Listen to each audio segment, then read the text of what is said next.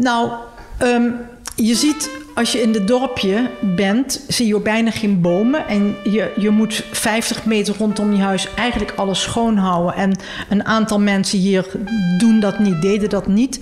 We hebben na de, na de brand gewoon de, onze broussailleuse gepakt. En we hebben gewoon, we hebben hadden al vaker aan de buren gevraagd van... eh, nou, het moet schoongemaakt worden. En ehm, toen hebben we het gewoon zelf gedaan. Dus bij, de, bij buren, het mag helemaal niet, hè? Maar ze, wa- ze waren er wel blij mee dat we het gedaan hadden. Oké. En als er nu de tour komt, vind je dat angstig of vind je dat leuk? Nee, dat vind ik gewoon leuk. Ik ben, ik ben, ik ben niet. Ja, nee, we vinden het heel erg leuk. Ben niet, we zijn niet echt. Want va- van de week brandde het behoorlijk op de Montekwal. En van hieruit kan je ook zien, twee weken, drie weken geleden brandde de, ehm de eh Asclierberg. Een enorme zwarte plek. Maar ik ben niet, ondanks dat ik hier ook heb staan te blussen, ik ben niet bang voor brand geworden. Ik ben sowieso niet zo erg bang. Ik denk, als je bang bent, dan woon je, dan woon je hier ook niet. Ik ben Jerry. En ik ben Kees. We zijn allebei wielergek, fietsen zelf regelmatig en kijken alles dat los en vast zit. Al van jongs af aan. Dus maakte onze hart een sprongetje toen bekend werd dat de zesde etappe van de Tour de France dit jaar eindigt op de Montaigual in de Cevennes. En niet alleen omdat deze berg in onze Nederlands fiets-DNA zit, door het beroemde boek De Renner van Tim Krabbe. Maar ook omdat ik rond de flanken van de Montequal woon. Ik werk vanuit Zuid-Frankrijk voor het AD en run een sheet samen met mijn vrouw. En die Montaigual, daar is iets mee. Het is een eigenzinnig bergje. Toen Napoleon beval dat er kastanjebomen in de Cevennes moesten worden geplant, groeiden die overal, behalve... Op de Montequal. En als het in de vallei 30 graden is en je fietst naar boven, dan kan het op die top opeens maar 5 graden zijn en heel hard stormen. Daarnaast doen er hier tal van andere verhalen de ronde over de Montequal.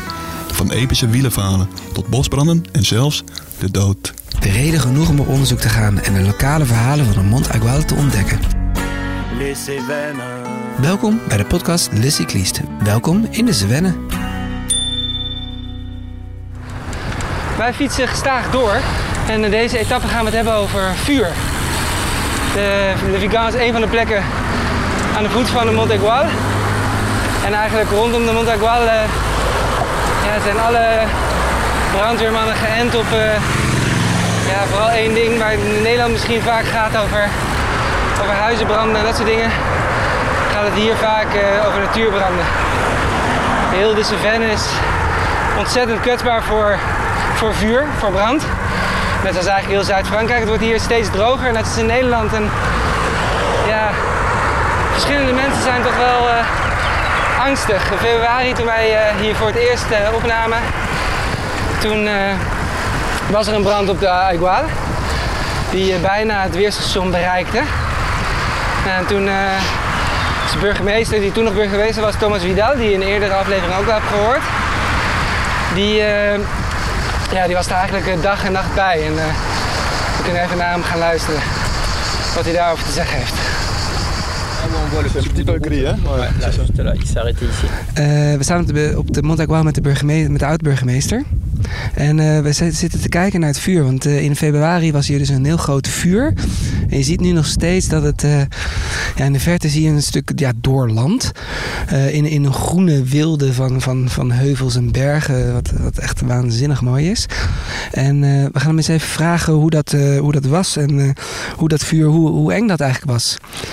Vous, a- vous, vous avez pe- peur avec, euh, avec l'incendie de fe- février Ah ben oui, oui, on a eu, on a eu très peur parce que comme on peut le voir, il s'est juste Ja, ja, toch wel erg bang. Want het vuur was vlakbij het Lorde Dieu. Dus we stonden op het randje van een catastrofe. euh, Maar gelukkig wisten de brandweermannen het vuur te stoppen. catastrophe. Heureusement que les pompiers ont arrêté le feu, oui. Et euh, c'est c'est combien de temps euh, le feu Euh, le feu a duré à peu près. Dat brandde ongeveer anderhalve dag. Om het te stoppen, dat duurde twee dagen. Het was erg moeilijk. Des- De brandweermannen moesten met blusmateriaal op de rug het vuur bestrijden. Het was erg zwaar. près des arbres, donc ça a été très très compliqué, quoi.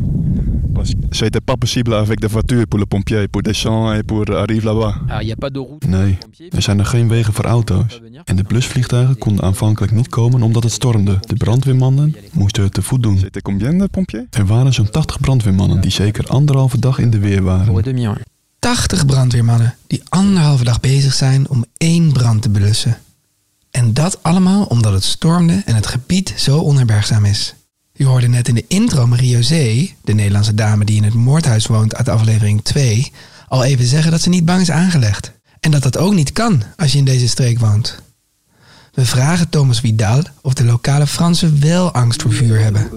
Dans, dans l'été, euh, les personnes qui, qui habitent ici, mais aussi les touristes, de, le, le, les touristes, c'est une grande chose. L'incendie, c'est, c'est, c'est une chose que tu penses chaque jour que ah, euh, dangereux, dangereux. Ou...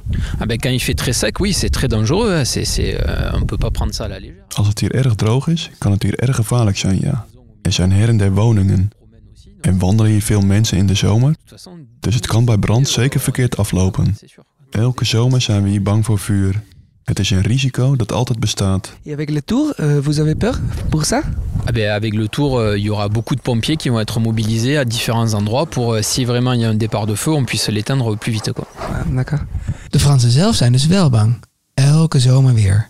Maar de komst van de Tour zorgt bij Thomas niet voor extra angst. Hij zegt dat ze goed voorbereid zijn met op strategische plekken brandweermannen die snel kunnen optreden. Ondertussen zijn Kees en ik op zoek naar iemand die daar nog veel meer van af weet. En die de leiding had bij de brand in februari. En we hoorden net Thomas Vidal over het bestrijden van die vuurzee op de top van de Monte Carlo praten. Ik heb ook zijn Twitter-account toen gevolgd. Hij twitterde foto's ja, van meerdere vuurhaarden, her en der. Er stond een harde wind, heel rotsachtig bergachtige omgeving, heel moeilijk te blussen. En we rijden nu echt het centrum van Luvigan binnen en hier woont een, of hier werkt een eh, chef van de brandweer, de plaatselijke brandweer. Sylvain Lieur. En daar hebben we ook een afspraak mee om ook naar zijn ervaringen met die vuurzee eh, Hier links toch? te bespreken. Ja, hier. Ja. We zijn bij zijn kantoor aangekomen, maar volgens mij is het nog dicht. Dus even kijken. Het is lunchtijd, hè? Zo... Ja.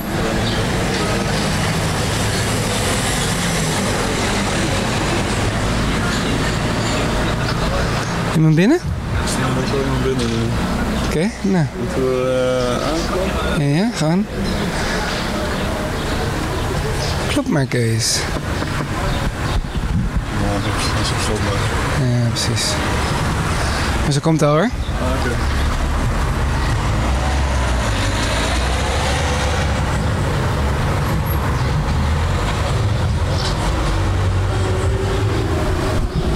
Doe jij even het woord, Kees?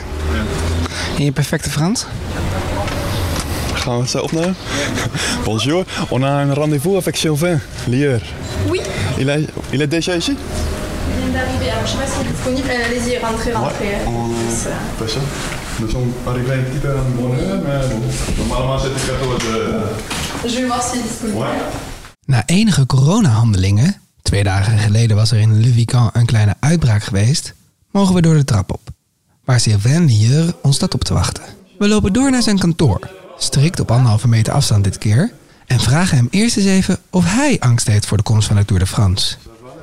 Met een enigszins verrassend antwoord als gevolg. On en a beaucoup et là le problème qu'on a c'est que ça sèche de plus en plus et qu'on a de grosses peurs justement pour le Tour de France. Parce que s'il n'y a pas de pluie ça va être très très très très très dangereux. Parce que l'herbe commence déjà à sécher. Et euh, si euh, si on si si- s'il pleut pas d'ici là ça va être euh, mince, ça va être très compliqué. Hij, ze- hij zegt, eh, hij is foto's aan het zoeken van het grote vuur eh, eh, van afgelopen februari.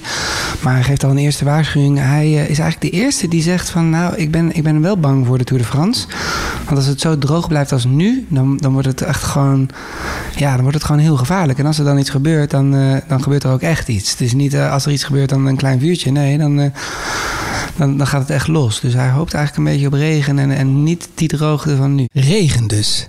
Dat is waar hij op hoopt. Maar is hij dan bang voor de toeristen die misschien een sigaretje laten vallen of andere domme dingen doen? Et euh, pour- pourquoi vous avez peur Parce qu'il y a de- touristes ici. Et c'est ça le problème ou Le, le problème c'est que la végétation est très Het probleem is dat de vegetatie nu erg droog is. En we lopen het gevaar dat als er veel mensen zijn, dat mensen dan omhoog moeten lopen om weg te komen van een eventueel vuur. Je ziet het aan de dennen die nu erg droog zijn. Als het vuur beneden ontstaat, omdat iemand per ongeluk vuur veroorzaakt of wat dan ook, dan verplaatst het zich heel erg snel omhoog. Zoals we in februari hebben kunnen zien. Dat is gevaarlijk voor de mensen. Er kunnen dan gewonden vallen. En daarom hopen we dus dat het gaat regenen. Angst dus. Gelukkig is angst meestal een goede raadgever. Maar wat gaan ze dan precies doen om het veilig te houden? Comment tu vas faire ça Parce que je pense qu'il y a beaucoup d'urgences. Par exemple, ici, dans Mandagou, dans le col de la Luzette, ou tout. On va, en fait, on va mettre plusieurs postes. Hier, j'en parlais justement, il y avait le colonel qui est chef de groupement, c'est-à-dire qui s'occupe d'un tiers du département. En fait, on va mettre des postes euh, avancés un peu de partout. Il va y en avoir un à Mandagou, un à la Luzette, enfin à la citerne, là, vous voyez où elle est, la citerne des FCI. À la citerne, un sûrement qui sera au gîte de Cap de Coste, euh, peut-être un au col des Mouraises, c'est chez moi, moi j'habite au col des Mouraises, hein, premier col. Euh, donc du coup, euh, on va mettre des postes avec une ambulance, un camion de feu, au cas euh, pour vite sur les lieux. Hij vertelt dat eh, ze overal posten neer gaan zetten omdat ze toch wel veel angst hebben met de droogte en met de drukte met de tour die gaat komen. Dat ze eigenlijk eh, overal op de kool, op verschillende plekken, gaan ze, gaan ze posten neerzetten met, met brandweer en met, eh, dat ze gelijk er- zijn als er iets gebeurt. Dus op de Luzette, in Mandagou, in L'Esperou, overal zeg maar. om, om zo te proberen te controleren. Nou, dat geeft wel een veilig gevoel. Maar wat als het toch misgaat? Hoe gaan ze het dan oplossen? Et euh, quand tu le combat contre le feu comme ça. Alors, euh, en fait, on est dans le. Moi, j'ai la chance de faire partie de l'unité du département qui s'appelle le COGEFO. Ik vroeg hem eh, hoe gaan ze een vuur hier eh, te lijf, want het is heel onherbergzaam gebied. En hij zegt, eh, we hebben een grote groep van ongeveer 100 eh, commando's, noemt hij dat dan. Dus zijn brandweermannen getraind in dit moeilijke terrein om dan toch branden te blussen. Hij is chef van een van de groepen. En normaal gesproken beginnen ze dan beneden aan het vuur. En maken ze slangen, die verbinden elkaar en klimmen ze de berg op om zo het vuur te blus- blussen. En die slang wordt dan steeds langer.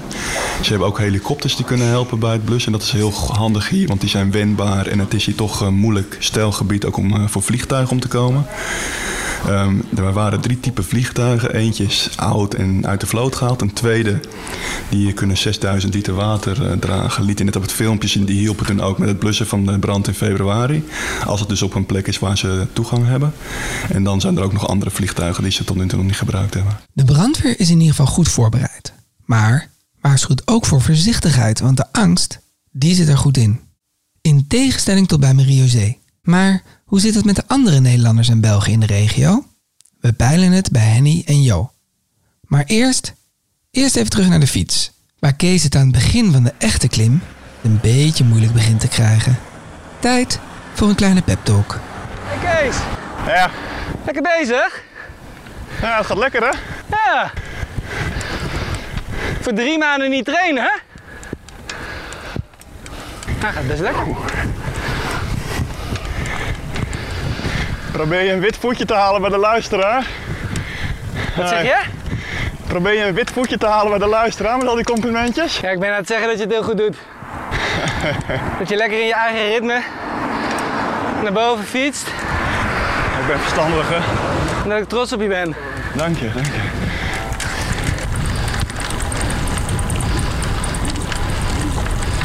Ik heb hem even het eh, soort van eh, gevoel gegeven dat hij, dat hij er wel iets van kon. Maar ja.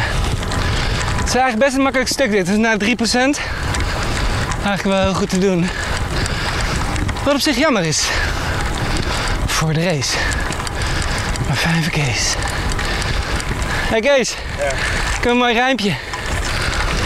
Het is hier niet zo moeilijk. Jammer voor de race. Maar fijn voor Kees. ruimt wel inderdaad. Ja, toch? Ik kijk even wat er verderop is, ja?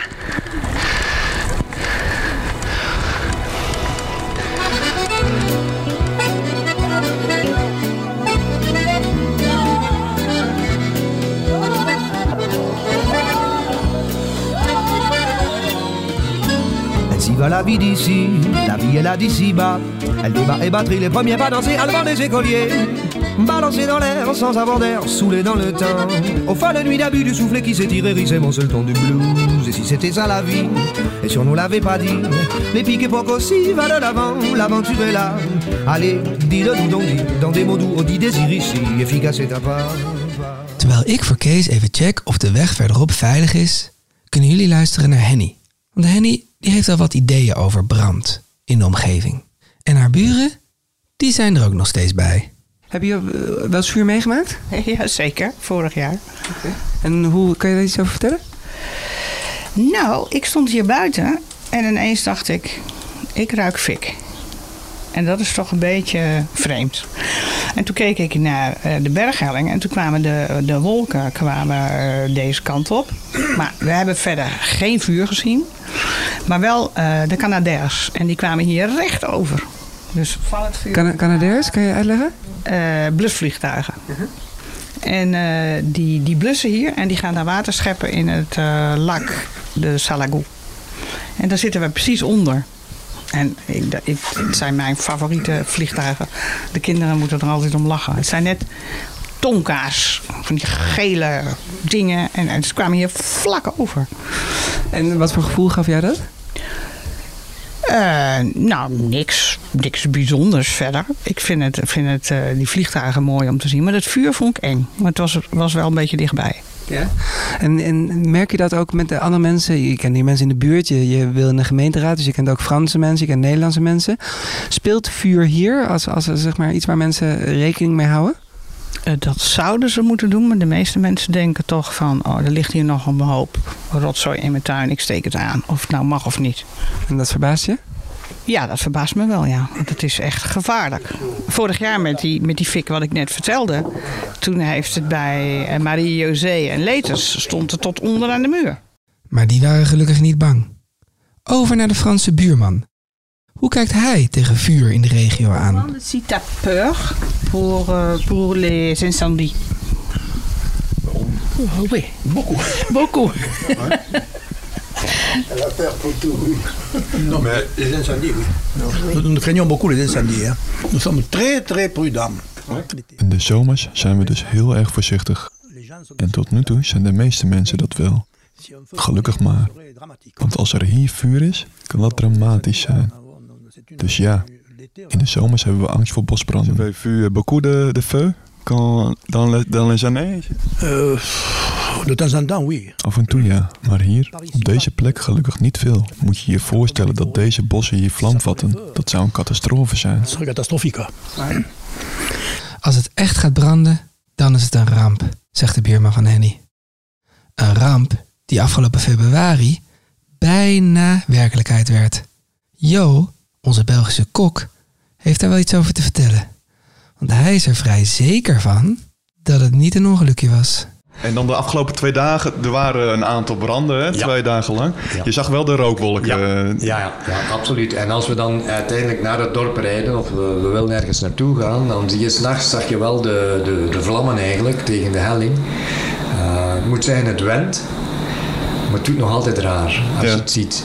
Ik heb hier in die, al, die, al die jaren al een, een zes, zevental bosbranden meegemaakt. Ik merk de laatste twee jaar tamelijk vaak. Ja. En zelfs heel dicht, verleden jaar nog door een pyromaan, op, op amper drie kilometer van hier. Eh, nu was het Montegual. Daarvoor, eh, de week daarvoor was het eh, bij de Col de la Luzette, ook een brand Ja. van 30 hectare. Eh, nu 116 hectare. Het maand aan tot voorzichtigheid zou ik zeggen. Eh, wij klopt. zijn er bang voor hoor. Maar in, in, want het- ik heb de nieuwsberichten gelezen en het onderzoek loopt nog. Hè, maar weten mensen hier wat er aan de hand is? Ja. Of, eh, en, en dat is? Dat gaat heel snel rond. Eh, Volgens ons is het een pyromaan. En nog altijd dezelfde die vorig jaar ook een zestal branden aangestoken heeft hier. Is het een man die bij zijn zin is of een vrouw? Dat weten we niet, maar het moet sowieso. Het is aangestoken hoor. Zeker die brand. Want het kan niet dat ineens op vijf verschillende plaatsen, met een tussen van, van een paar honderd meter, een, eh, een tussenafstand van een paar honderd meter, dat die gaan branden. Een spontane ontbranding kan niet. Uh, dus ergens, zeker nu niet, op, misschien wel in augustus of zo, door een stukje glas die achtergelaten is, maar niet. Dus die is aangestoken, die grote brand. De- Van de afgelopen dagen, twee dagen. Ja. de, de andere brand, dat was eigenlijk een, wat ze hier ecobuage noemen. eh, dus herders die bepaalde delen van de berg afbranden om dan ja, de schapen dan het jaar nadien te laten grazen. Dat is geautoriseerd. Normaal gezien omkaderd, maar deze was uit de hand gelopen. Dus en door de wind en, en de weersomstandigheden, eh, heel droog. En die is uit de hand gelopen. Oké, dat is nog te begrijpen. En wa- wat ze dan wegbranden zijn niet bomen, of, maar dat zijn meer de bosjes, toch? Of de, Ja, de- maar de bomen, die bomen hier, wij hebben groene eiken. Ja. Dat, is dat zijn de bomen die meestal op die hoogte staan. eh, die herstellen. Na een jaar zie je er niks meer van. Die bomen die herstellen gewoon. eh, en de, de bosjes zijn inderdaad weggebrand. En dan is dat weer Ja. gras die kan groeien. Voor de, voor de geiten. Voor de geiten. De geiten en de schapen. Dus dat kan. Eh, maar de Montikwal zelf is, is bebost. Daar lopen geen geiten en schapen Nee, rond. nee. Dus die is aangestoken volgens mij. Ik eh, ben er 100% zeker van. Die kan niet dat dat, dat zomaar spontaan gaat ontbranden in februari. En, eh, en dat is bijzonder jammer, want heel dicht tegen een ramp gestaan.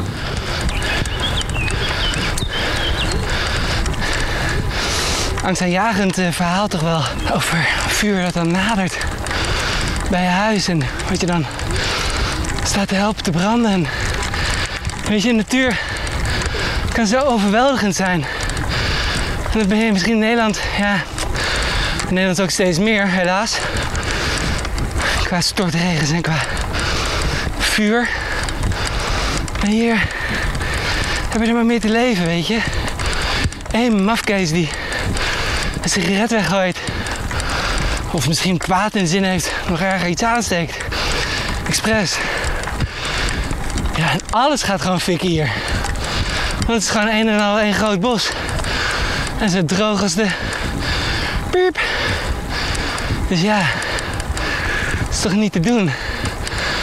Het lijkt me echt... Ja, doodeng lijkt me dat. Om zo te leven met vuur. Nog zes, Kees. Nog zes het mandegoe en dan mag je eten. Maar voordat we gaan eten met onze Belgische kok Jo, waarover we uitgebreid vertellen in de volgende etappe, bellen we nog even met Mathies. Een Franse jongen met een Nederlandse moeder die in de Cevennes is opgegroeid. Want leven omringd door vuur is één ding, maar werk omringd door vuur is nog wat anders.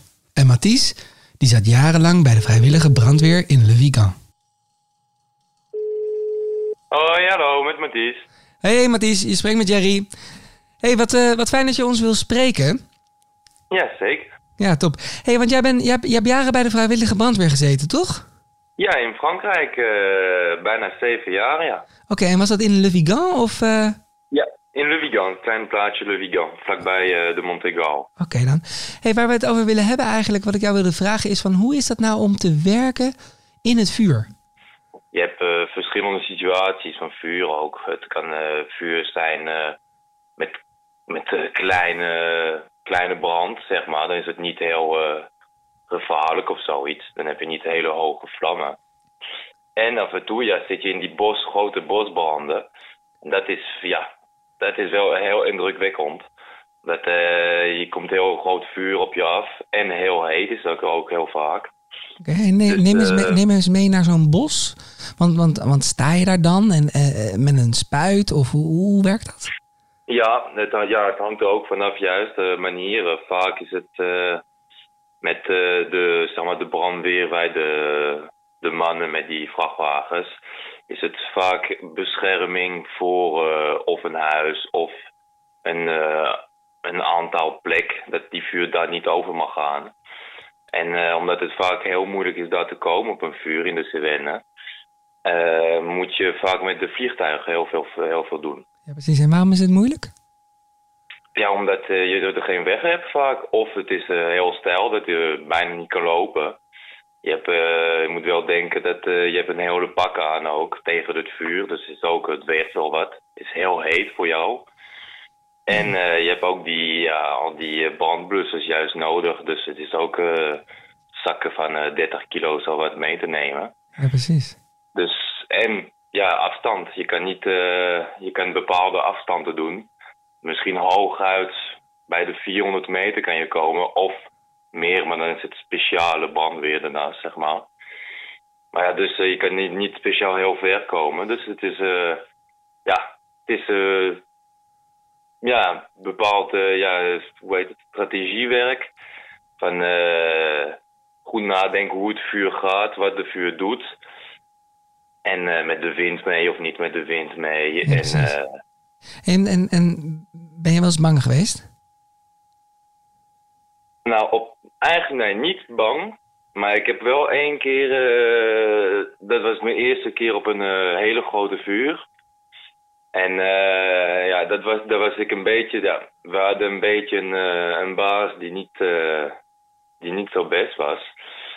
Dus, maar ja, dat ging een beetje te snel voor wat we moesten doen eigenlijk. En in ene waren we ja, tussen, tussen twee hele grote branden die tegen, na- tegen elkaar kwamen. Dus ik had eh, ja, links en rechts vlammen van eh, een stuk of bijna 30 meter hoog. 30 meter?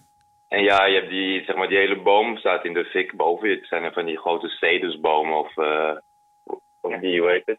Dat zijn naaldbomen. En eh, dus dat fikt heel goed en heel snel. En dus zijn hele hoge vlammen, dus gaat boven die boom uit. Jeetje, heftig. Dus ja, dat, eh, en in ene, ja, het was, eh, het was een speciale, ja, het was echt op deze moment. Ging het over die paadje. We moesten zeg maar een, een wandelpad beschermen, dat het niet over die wandelpad ging. Nou ja, en in ene kwamen die vlammen helemaal over die wandelpad. En heel veel hebben, zeg maar, we hebben eh, twee verschillende eh klerensets voor de vuur. Eén lichte, voor juist de bosbrand, omdat het veel vaak langer duurt dan eh, vuur in een huis. En het is minder warm dan in een huis. Dus je hebt niet zoveel bescherming nodig. Maar je hebt ook de, dus juist dan ook een, een stevige pak. Die is heel goed tegen hitte. En die had ik toevallig mee met een paar anderen ook. En wij moesten echt, echt erin van ja, tegen die vuur vechten. Dus ik weet nog, ik ben naar de andere kant van het paadje naartoe gerennen, naar die andere, maar door, voor, echt door vlammen heen rennen. Dus je hebt wel een gevoel, een hele vreemde gevoel van ik ben nu aan het rennen gewoon in een vlam. En je, en je was niet bang, zeg je net. Ja, nou, daarna, de, ja, je beseft het pas daarna eigenlijk. Je gaat in één in, ja. Het is niet bang, maar het is wel, eh, ja, je schrikt er wel een beetje van. Maar het- ik was er niet eng van, eh, Ja, precies. ja, ik vond het wel spannend. Maar ik ben, ja, ik ben naar de brandweer gegaan omdat ik vuur, eh, voor de vuur als, eerste. Van vuur houden. Dat is wel nodig als je 30 meter hoge vlammen wilt trotseren. En een beetje dapper zijn natuurlijk. Dat vergeet Mathies eigenlijk te vertellen. Tot slot van deze etappe gaan we op zoek naar een andere dappere jongeman. Thomas Flavier. Die heeft geholpen bij het blussen van de brand in februari. Hij werkt bij het skistation op de top van de Montagual. We zijn aangekomen bij Thomas Flavier. Hij is de beheerder van eh, het skistation. Kees is een beetje zenuwachtig, want Kees kan niet zo goed te laat komen. We zijn niet te laat. We waren op tijd. Ja, we zijn niet te laat, maar... We zijn niet te laat, toch? Nee, maar dat is typisch Frans. Kijk, ik had geen plaatje van die jongen. En er zat een jongen in het kantoor te werken, die was aan het bellen. Dus ik, wij wachten even buiten. En die jongen is nu al eh, tien minuten klaar met bellen. Maar in plaats van dat hij even naar buiten komt om te zeggen dat hij geen Thomas Flavier is... en ons naar de goede kant stuurt... Nou ja, zaten we te wachten. Kees, je moet adapteren. Ja. Doucement. Tranquillement. Wat is het bureau? Wat is het bureau? Misschien nog iets verder? We zijn het even aan het zoeken. We hoorden net al de schaap op de achtergrond. Dus dat was wel leuk om weer te horen. En het is hier echt fris vandaag. Het is een gaatje van 9. Dans le bureau. Il est pas ici.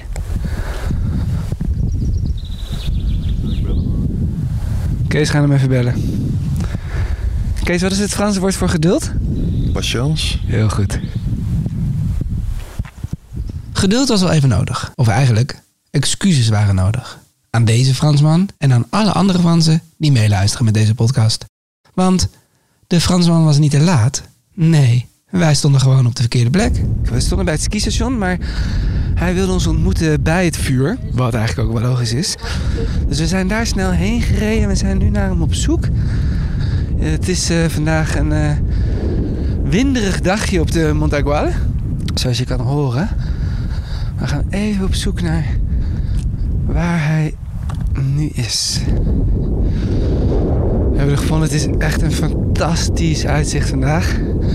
Ik zie de Mont Ventoux liggen. Helemaal in de verte. Steile puntje. Beetje mistige vallei ervoor. Van de hitte.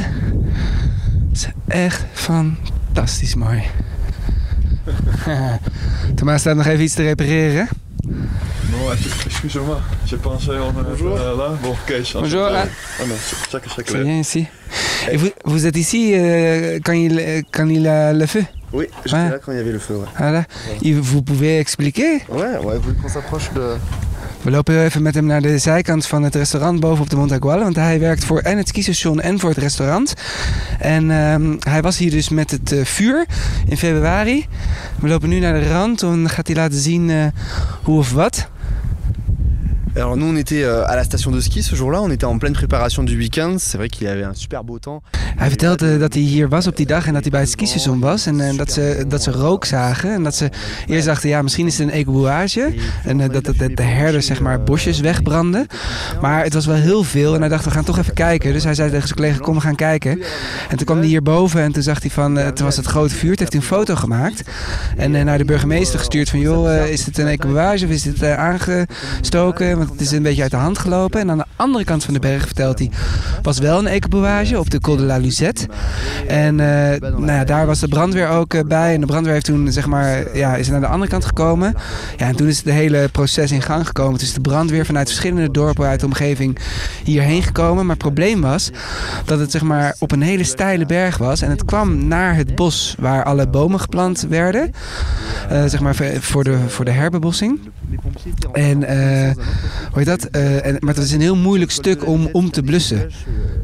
En eh, Thomas zei ook, er kwamen echt wel honderd brandweermannen die hier aankwamen. En we zien ook een eh, soort van grindpad lopen. Dus ze konden wel een stukje naar beneden rijden, maar tot aan het vuur. En daar liep het stel naar beneden en dan moesten ze lopend te werk met flessen op de schouders. Hij vertelde dat ze, dat ze echt mazzel hebben gehad met, met dit vuur. Ja, mazzel, hè? het was een groot vuur. Maar hij vertelt dat hij... ehm, dat het eh, mistig was, zoals wel vaker gebeurt hier, gelukkig. In ieder geval in dit geval. Ehm, en, en, en vochtig was. Dus dat dat wel echt heeft geholpen. Maar toch heeft het nog 48 uur, zei hij? 48 tot 72 uur? Ja, tot drie dagen. Ja, twee tot drie dagen geduurd voordat ze het echt helemaal onder controle hadden. Hierboven hadden ze het vrij snel onder controle. En de volgende dag draaide de wind ook richting het dal. Dus dat het, vuur werd eh, omgekeerd, zeg maar, werd teruggestuurd eigenlijk naar het dal. Nou ja, en daar hebben ze het redelijk makkelijk onder controle kunnen houden. Maar ja, wel de hele tijd surveilleren en, en bezig blijven met helikopters om te, om te zorgen. Het is net zoals met een veenbrand in Nederland. Dat, eh, weet je, je moet niet kleine brandjes over hebben. Want het, het fikt zo weer en dan eh, ja, begin je gewoon weer opnieuw. Une orange sur la table, ta robe sur le tapis, et toi dans mon lit, doux présent, du présent. Je luisterde naar de vierde etappe van Le Cycliste. Een podcast van het AD, gemaakt door Kees Graveland en door mij, Jerry Huinder. De muziek die je hoorde is van de Franse zangers Ricoen en André Minviel. De podcast is afgemixt door Olaf Notenboom. Volgende keer gaan we aan tafel bij de Belgische Jo. Want wie hard wil fietsen, moet naast rusten ook goed eten. Maar wat eten ze hier in de regio eigenlijk? Wat zijn de specialiteiten? Jo kookt een drie gangen menu voor ons en zijn gasten met alles erop en eraan. Inclusief lokale wijn uit zijn wijnkelder. Of moet ik zeggen wijnvat. Ondertussen bezoekt Kees een lokale markt. En hij gaat op zoek naar de specialiteiten die daar te vinden zijn. De la nuit, chaleur de ma vie, une orange sur la table, ta robe sur le tapis, et toi dans mon lit, tout présent, du présent.